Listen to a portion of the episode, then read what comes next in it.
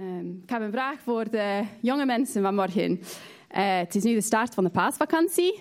Het is de week voor paaszondag. Wat vieren we op de zondag voor paaszondag? Het is een speciale dag. Welke dag is de dag? De zondag voor paaszondag. Palmzondag, heel goed. Heel goed. Dus we gaan vanmorgen stilstaan bij Palmzondag. En ik ga een stuk van de Bijbel lezen over Palmzondag. En de discipelen gingen heen en deden zoals Jezus hen bevolen had. Zij brachten de ezelin en haar veulen. En zij legden hun kleren erop en zaten hem daarop. En het grootste deel van de menigte spreidde hun kleren uit op de weg. En anderen hakten takken van de bomen en spreidden ze uit op de weg. De menigte die voorop lieg, voorop lieg en die volgde, riep: Hosanna, de zoon van David. Gezegend hij die komt in de naam van de Heere. Hosanna in de hoogste hemelen. Toen hij Jeruzalem binnenkwam, raakte heel de stad in opschudding en men zei: Wie is dat? De menigte zei: Dat is Jezus, de profeet uit Nazareth in Galilea. Dus wij gaan, eh, zoals de, de menigte, zoals de discipelen eh, in het verhaal, God ook prijzen en groot maken vanmorgen. En we gaan dat doen met een aantal liederen.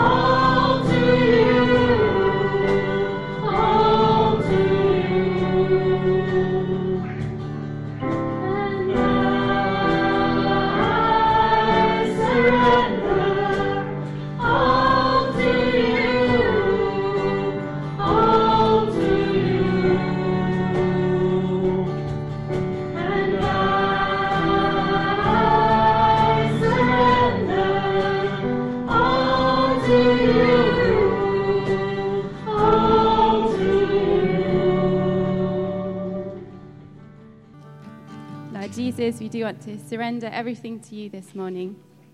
Uh, we thank you for, for this morning that we can come together and praise your name. And uh, we pray for your blessing over the rest of our service. Amen. Uh, het is nu tijd voor ons kindermoment. Ik geef het woord aan Heertje.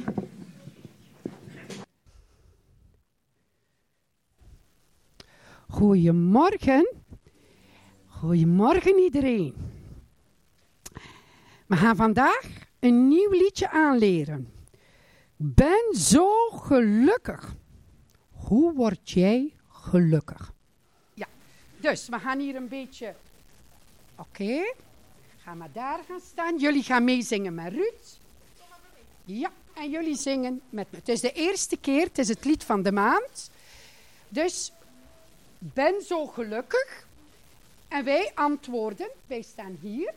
Kom maar hier. Ja, jij mag naar daar staan. Dus Ruud, jij begint als je wil. Ben zo gelukkig. En wij vragen aan hen, hoe word jij gelukkig? En dan, jullie terug, ben zo gelukkig. En wij zeggen, vertel me toch waarom. Ben zo gelukkig. Wij weer, hoe word jij gelukkig? Ik wil het ook graag zijn. En dan gaan jullie antwoorden. Ja, het is een wonder. Het is, en wij zeggen, wat is dat wonder? Is dat wonder dat gebeurd is ook voor mij? En dan gaan zij weer antwoorden, Jezus stierf en redde mij, dus kan ik gelukkig zijn. Het is de eerste keer. Dus Ruud, jij begint met jouw groepje en wij gaan antwoorden.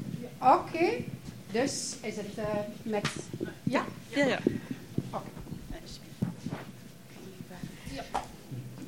Goed, kijk maar naar de tekst. Afleven, Quinten. Ja. En jullie meezingen met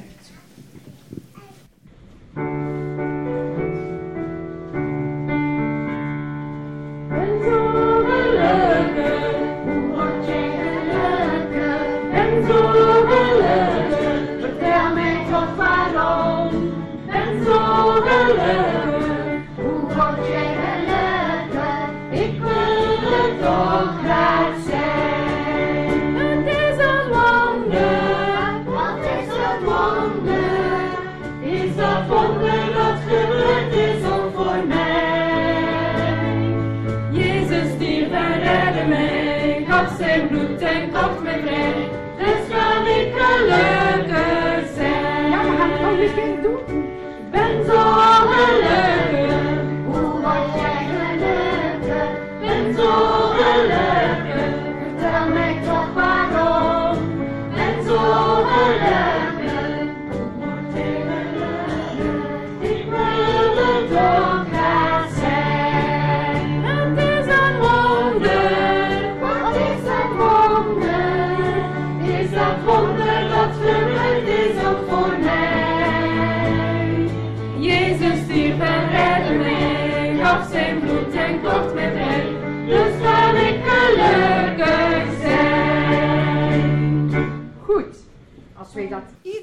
Zingen, dan gaan we dat supergoed kennen.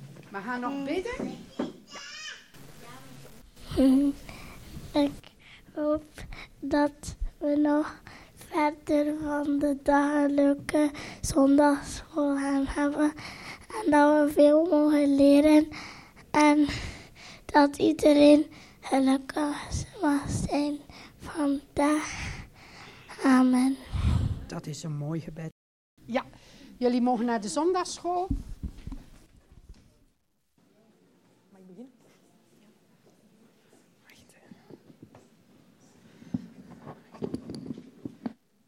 Kindjes zijn nu weg en het is nu aan mij. Ehm, mijn man en ik zijn uitgenodigd als gastmuzikanten door Jerre. En toen kreeg Jerre een appendicit. En toen moest er van alles ingevuld worden en uh, ik mag het gebedsmoment invullen. Um, wat ontzettend spannend is, want ik heb nog nooit zoiets gedaan. Maar ik heb ook wel het geluk gehad dat ik een tijdje geleden gebed mocht onderzoeken en al studie geven aan een klein groepje. Um, de liedjes van vandaag zijn vooral gegaan over God, die daar de hoogste God is.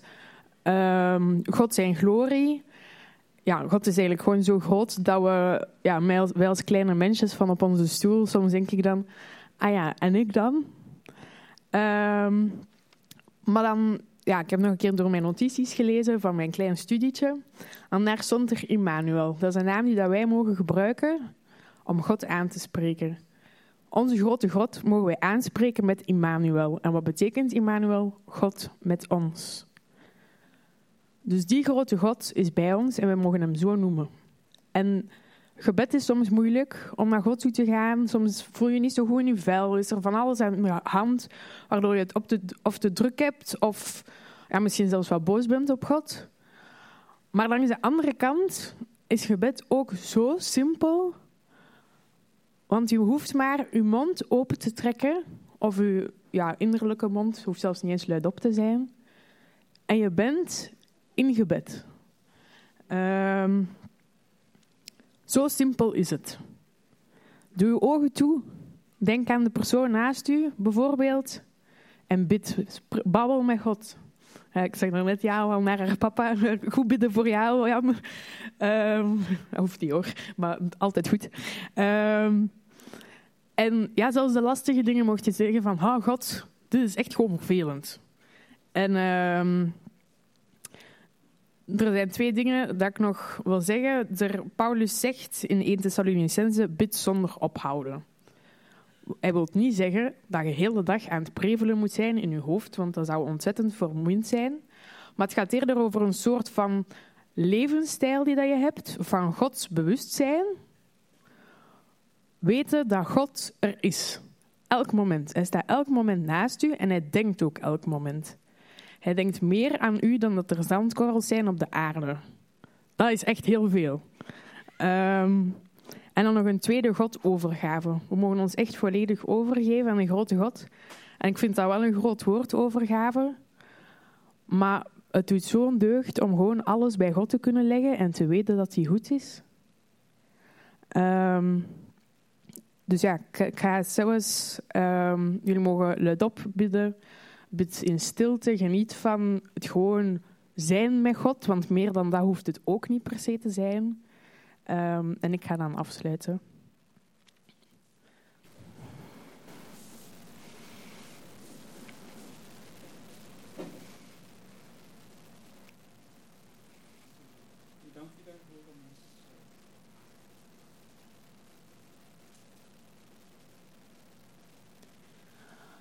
Vader hemel, grote papa, ik dank u voor dit moment dat we gewoon op ons gemak, ook al zit er veel volk, bij u in uw aanwezigheid mogen komen en alles voor uw troon mogen leggen.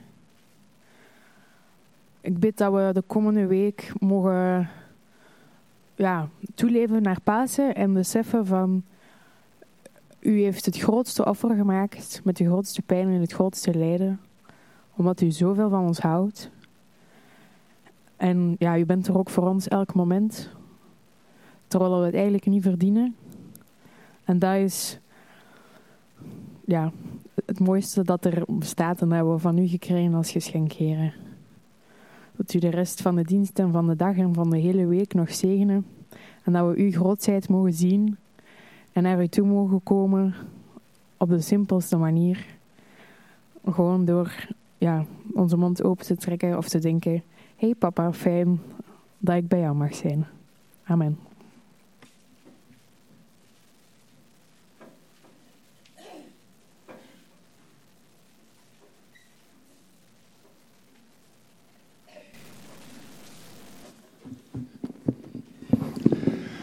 Goedemorgen iedereen.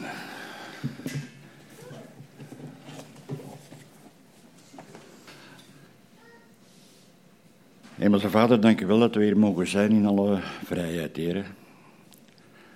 Dat we zelf mogen kiezen om te komen hier. En dat u ons geroepen hebt, heren. Ik wil u zegen vragen over uh, het woord van vandaag.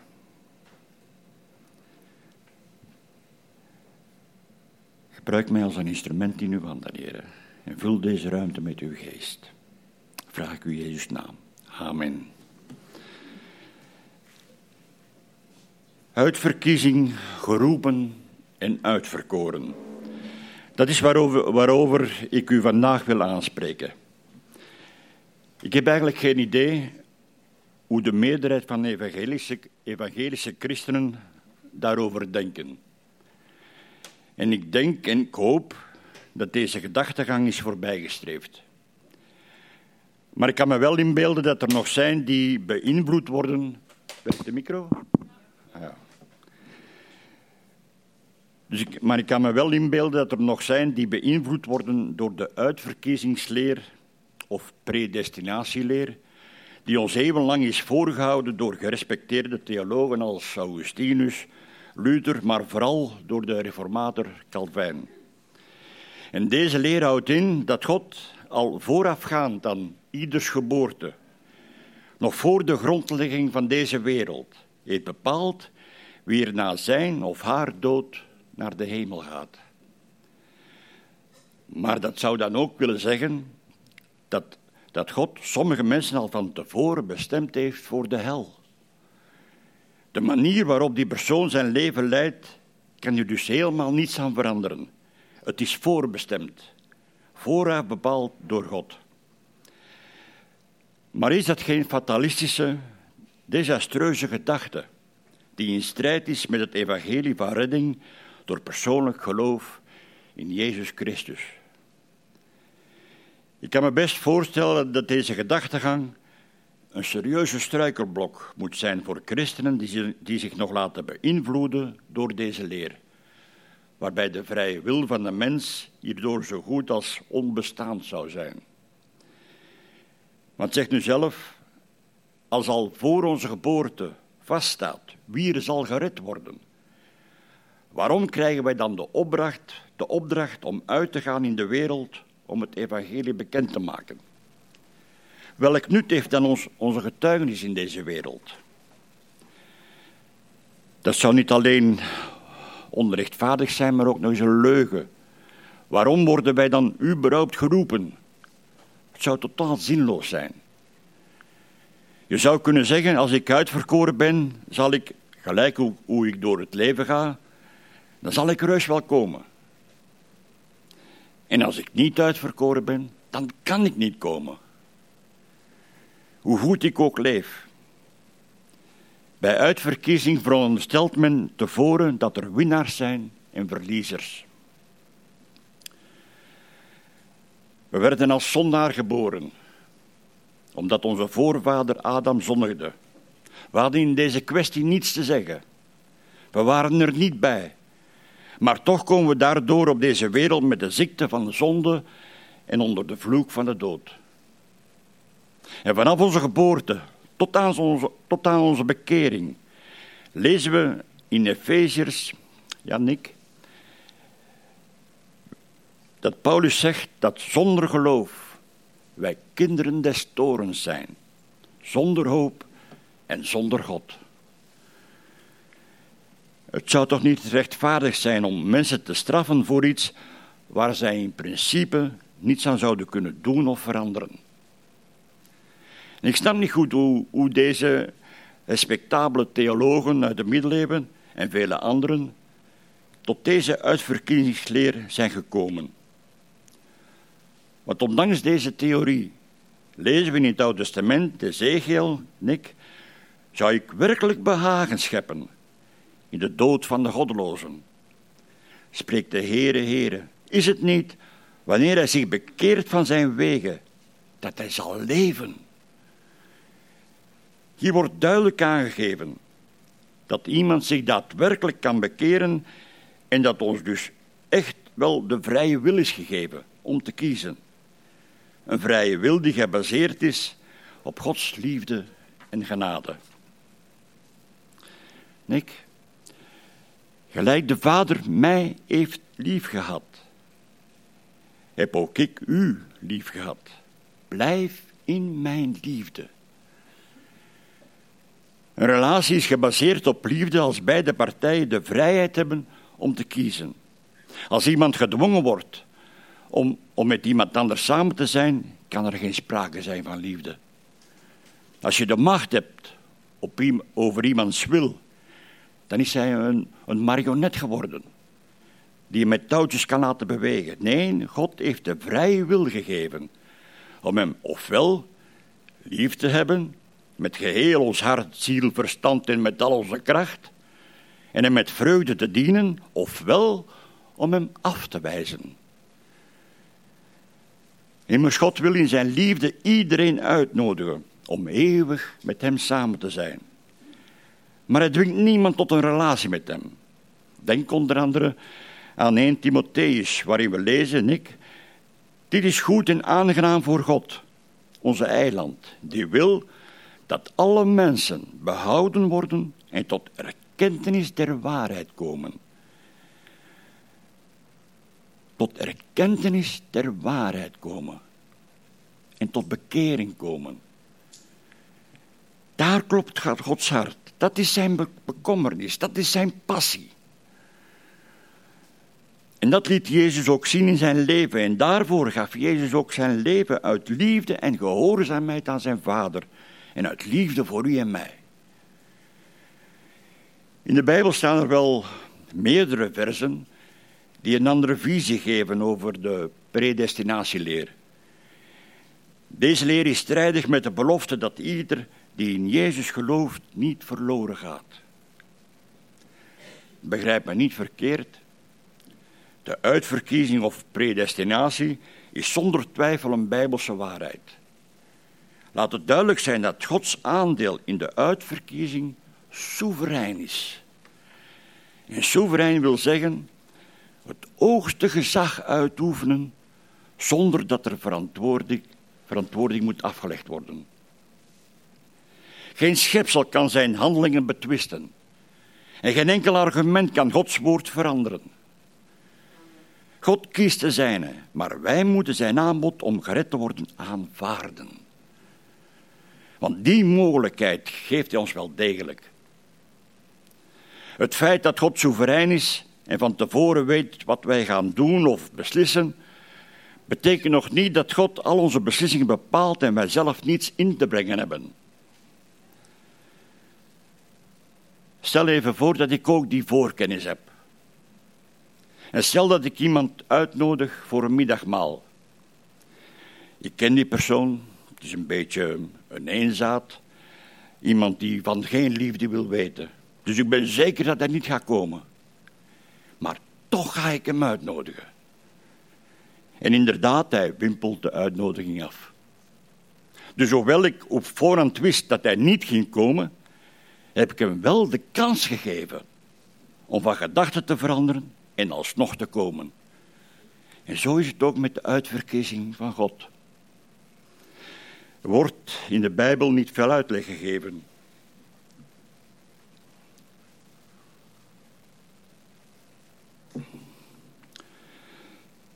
Er wordt in de Bijbel niet veel, veel uitleg gegeven over de uitverkiezing en nog minder over het waarom van die uitverkiezing.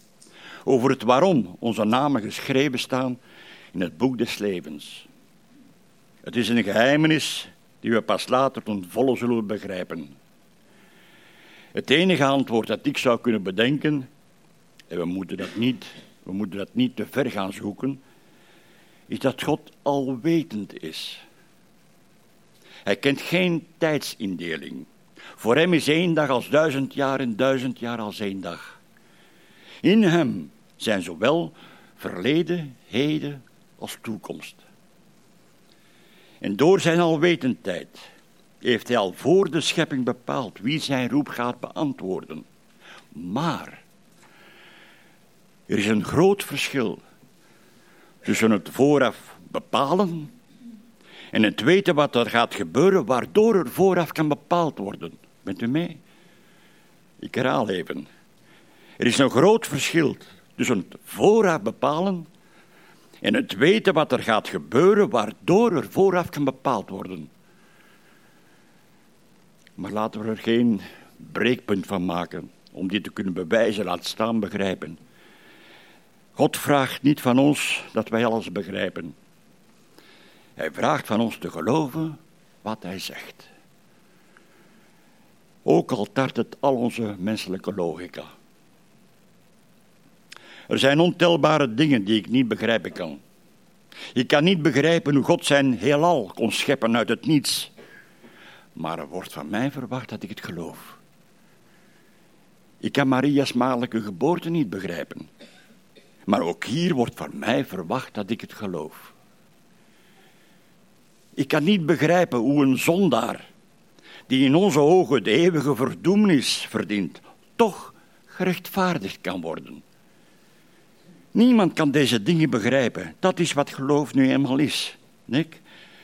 Het geloof nu is de zekerheid der dingen die men hoopt en het bewijs der dingen die men niet ziet. We kunnen mensen vergeven en we kunnen hun zonde door de vingers zien. Maar we kunnen geen misdadigers, maar we kunnen een misdadiger niet rechtvaardigen. God kan dat wel. En hij doet het en hij wil het als zij in hem geloven. We dienen ons in vertrouwen en met overtuiging vast te houden aan Gods beloften. Aan onze behoudenis kunnen wij niets doen.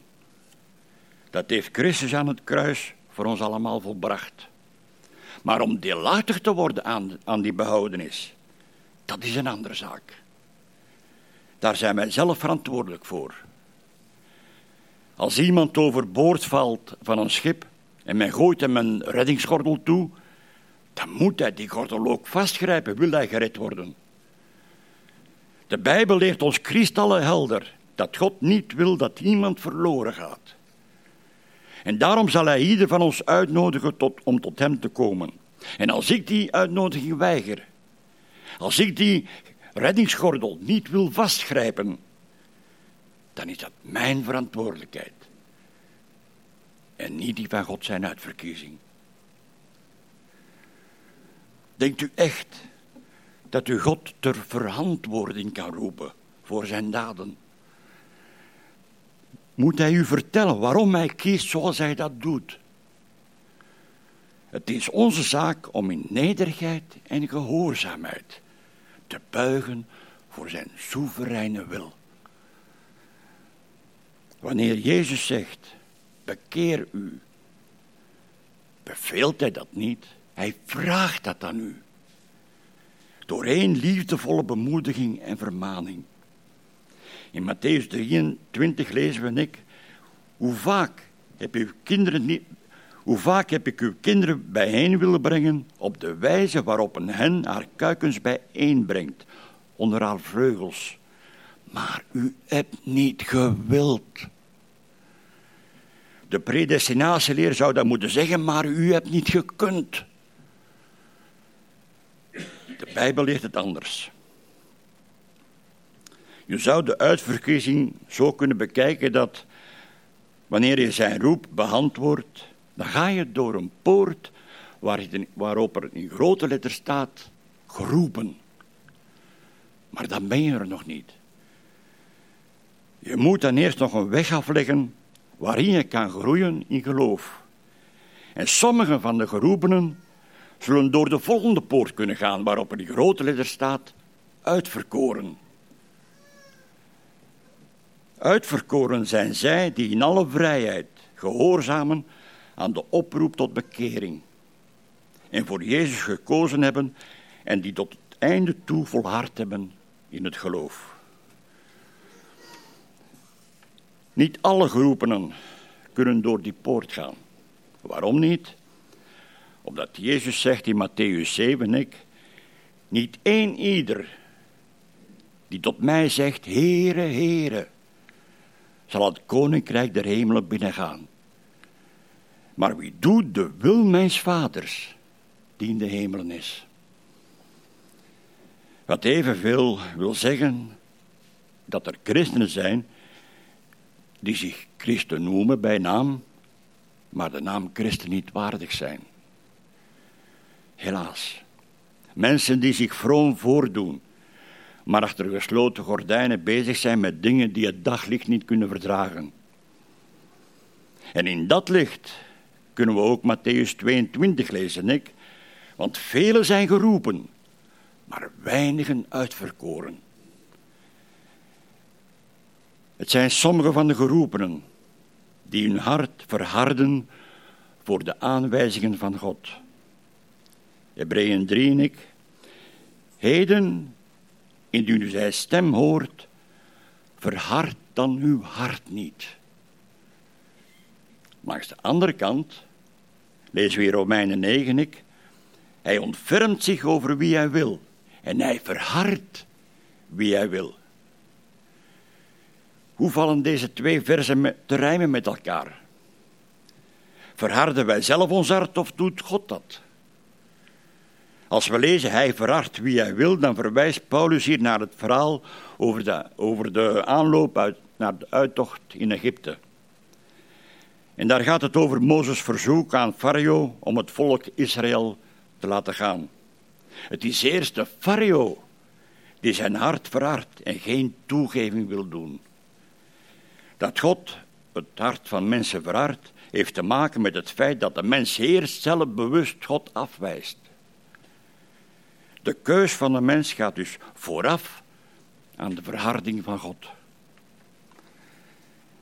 Het zou toch volstrekt onrechtvaardig zijn als God zelf actief de verharding in iemands hart zou leggen en hem daarna de schuld zou geven dat zijn hart verhard is. Maar als mensen het aanbod van God afwijzen, is het hun eigen keuze en hun eigen verantwoordelijkheid dat ze verloren gaan. Maar wat, wat betekent het voor ons om geroepen en uitverkoren te zijn? Ten diepste geloof ik namelijk dat wij allemaal geroepenen zijn. Ieder mens op deze aarde wordt geroepen, niemand uitgezonderd. Helaas zijn er, zijn er maar weinigen die deze roep beantwoorden. Maar als u met de juiste ingesteldheid de roep wel beantwoordt, dan zegt Jezus in Johannes 6, Nick, alles wat mij de Vader geeft, zal tot mij komen. En wie tot mij komt, zal ik geen zins uitwerpen. uitwerpen. De Vader trekt, maar u moet komen. Waarom of waarvoor worden wij dan geroepen? In Gods woord lezen we, Nick, in 2 Timotheus, we zijn geroepen tot een heilige taak. We zijn geroepen tot gemeenschap met, met de Zoon Jezus Christus. We zijn geroepen om vrij te zijn, ontketend van de zonde. We zijn geroepen om elkaar te dienen in liefde. We worden geroepen om de Heere, uw God, lief te hebben, met geheel uw hart, ziel, verstand en met geheel uw kracht. En uw naaste als uzelf. Met andere woorden, we zijn geroepen om in relatie met God te leven. Als we kijken naar al die getuigen uit Hebreeën 11, dan is er één ding wat zij allen gemeen hadden. Ze leefden in relatie met God. En in die relatie zal God dingen van u en mij vragen. Hij zal jou en mij roepen tot voor diverse taken, soms grote, soms in onze ogen misschien kleinere. Om te weten welke taak God voor u voorzien heeft, hoef je namelijk maar één ding te doen: leven met God. En dan bedoel ik ook echt leven in zijn volheid. Gelukkig staan we er niet alleen voor. We zijn deel van een gemeenschap die samen God dienen en zijn doelen nastreven. We hebben elkaar nodig om te groeien en te leren. En om, met elkaar, om elkaar te steunen in tijden van moeite.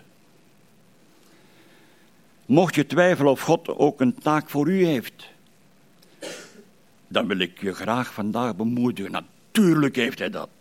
Natuurlijk heeft hij dat.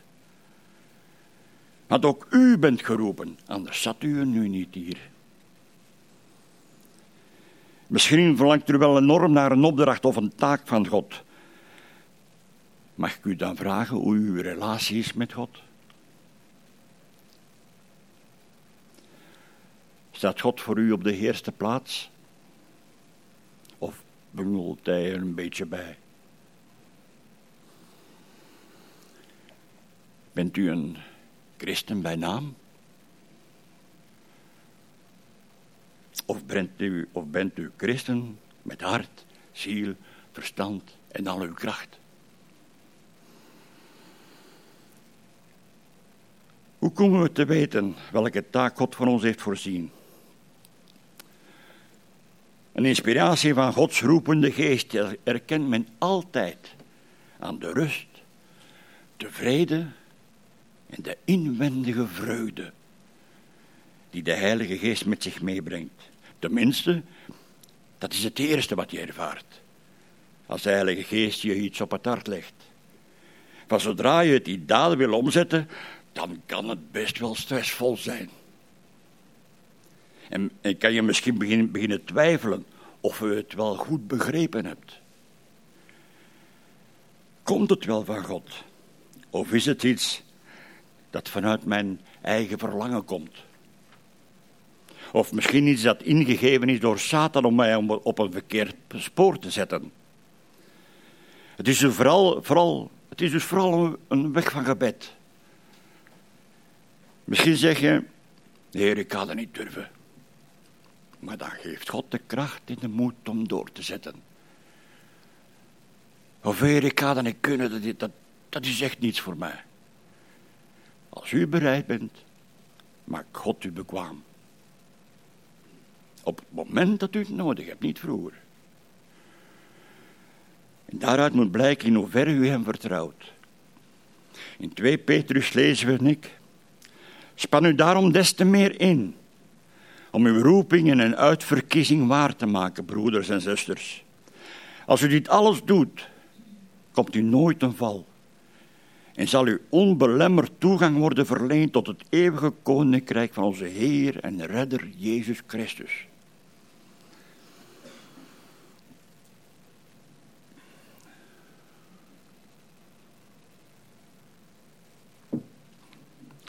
God roept mensen tot zijn kerk, niet om zich te verstoppen voor de wereld, of om op zondag gezellig samen te zijn, maar om mee te doen aan een wijd verspreide, belangrijke missie.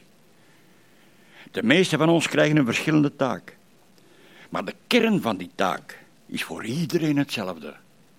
Het evangelie vertellen aan ieder die het wil horen.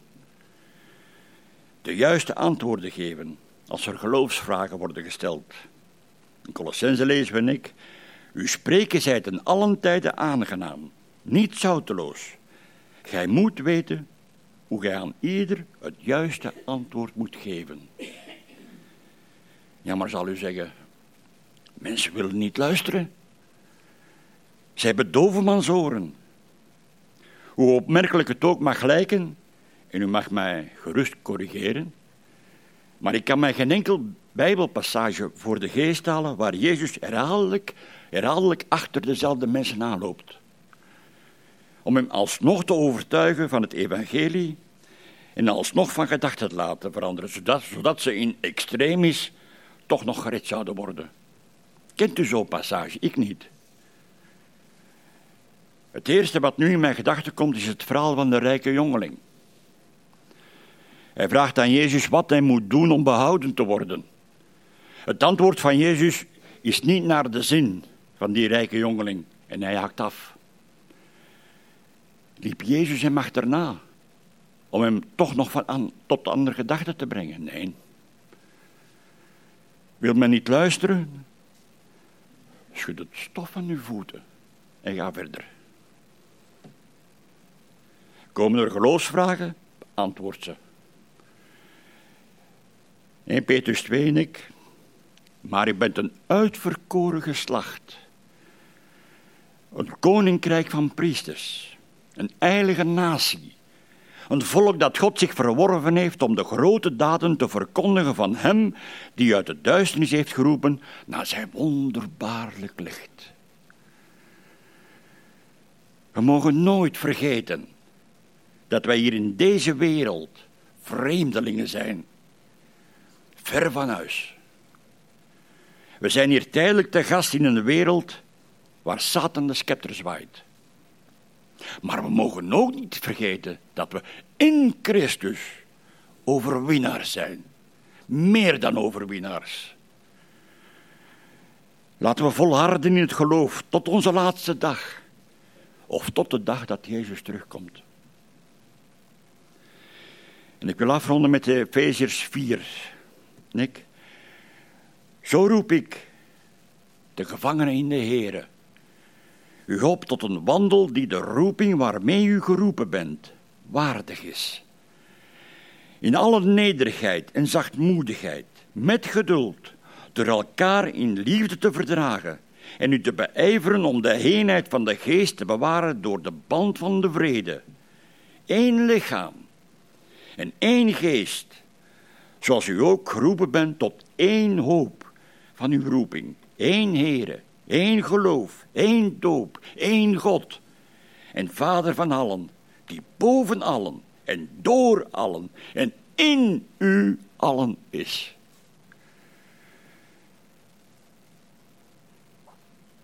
Het is vandaag Palmzondag. 2023 jaar geleden reed Jezus Jeruzalem binnen op een ezel. Om het werk te volbrengen waarvoor hij gekomen was. Opdat u en ik in alle vrijheid voor hem zouden kiezen, wel of niet. Of we wel of niet ontketend worden van de zonde, willen worden van de zonde. Je kunt het aanvaarden of verwerpen. U mag kiezen. Amen.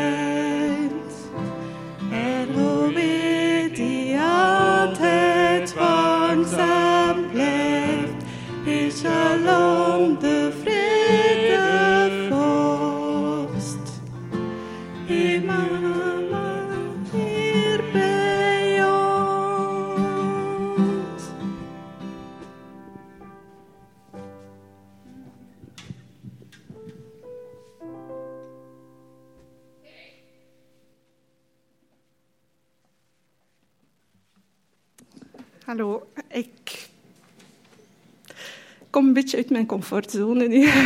Het is moeilijk voor mij om voor te staan, maar ik ga toch mijn best doen. We komen op het eind van de dienst. Um, ik ga eerst beginnen met de mededelingen. Dus ik weet niet of er mensen die mededelingen hebben. Ja. Ik heb geen probleem voor naar voren te komen. Maar ik wil uh, zeggen, er is donderdag geen bijbelstudie. Dus over het algemeen gaan we tijdens de vakanties geen bijbelstudies houden.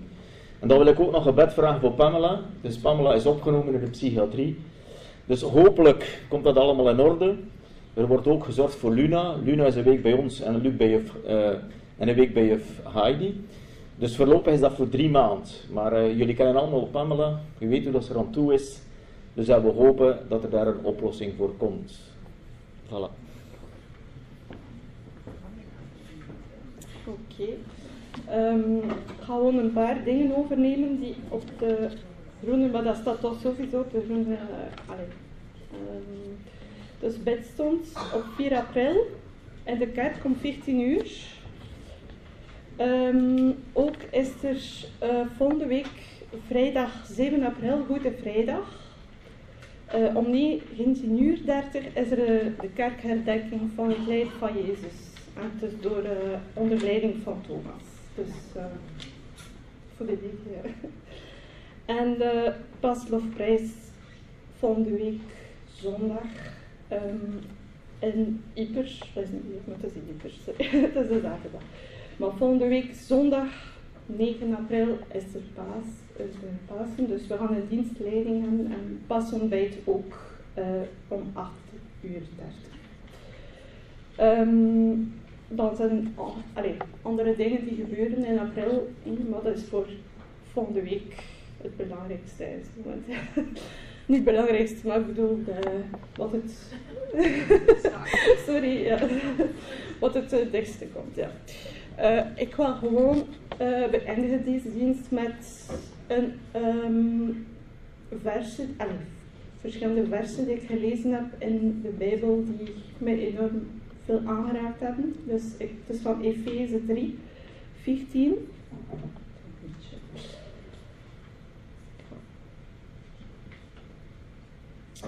Dus om deze reden ben ik mijn knieën voor de Vader van onze Heer Jezus Christus, naar wie elk geslacht in de hemelen en op de aarde genoemd wordt, opdat Hij u geeft naar de rijkdom van Zijn heerlijkheid met kracht gesterkt te worden door Zijn geest in de innerlijke mens, opdat Christus door het geloof in uw harten woont en u in de liefde geworteld en gefunderd bent, opdat u ten volle zou kunnen begrijpen met alle heiligen wat de breedte en lengte en diepte en hoogte is. En nu de liefde van Christus zo kennen, die de kennis te boven gaat, opdat u vervuld zou worden tot heel de volheid van God. Hem nu die bij machten is te doen, te boven alles wat wij bidden of denken, overeenkomstig de kracht die in ons werkzaam is. Hem zij de heerlijkheid in de gemeente door Christus Jezus in alle geslachten tot in alle eeuwigheid. Amen. En dat is een gebed van God over, niet alleen over zijn kracht, uh, zijn sterkte, maar ook over zijn liefde. Ah, dat is ook wel eh, wat ik hoop. Dankjewel. Fijne zondag en een fijne week.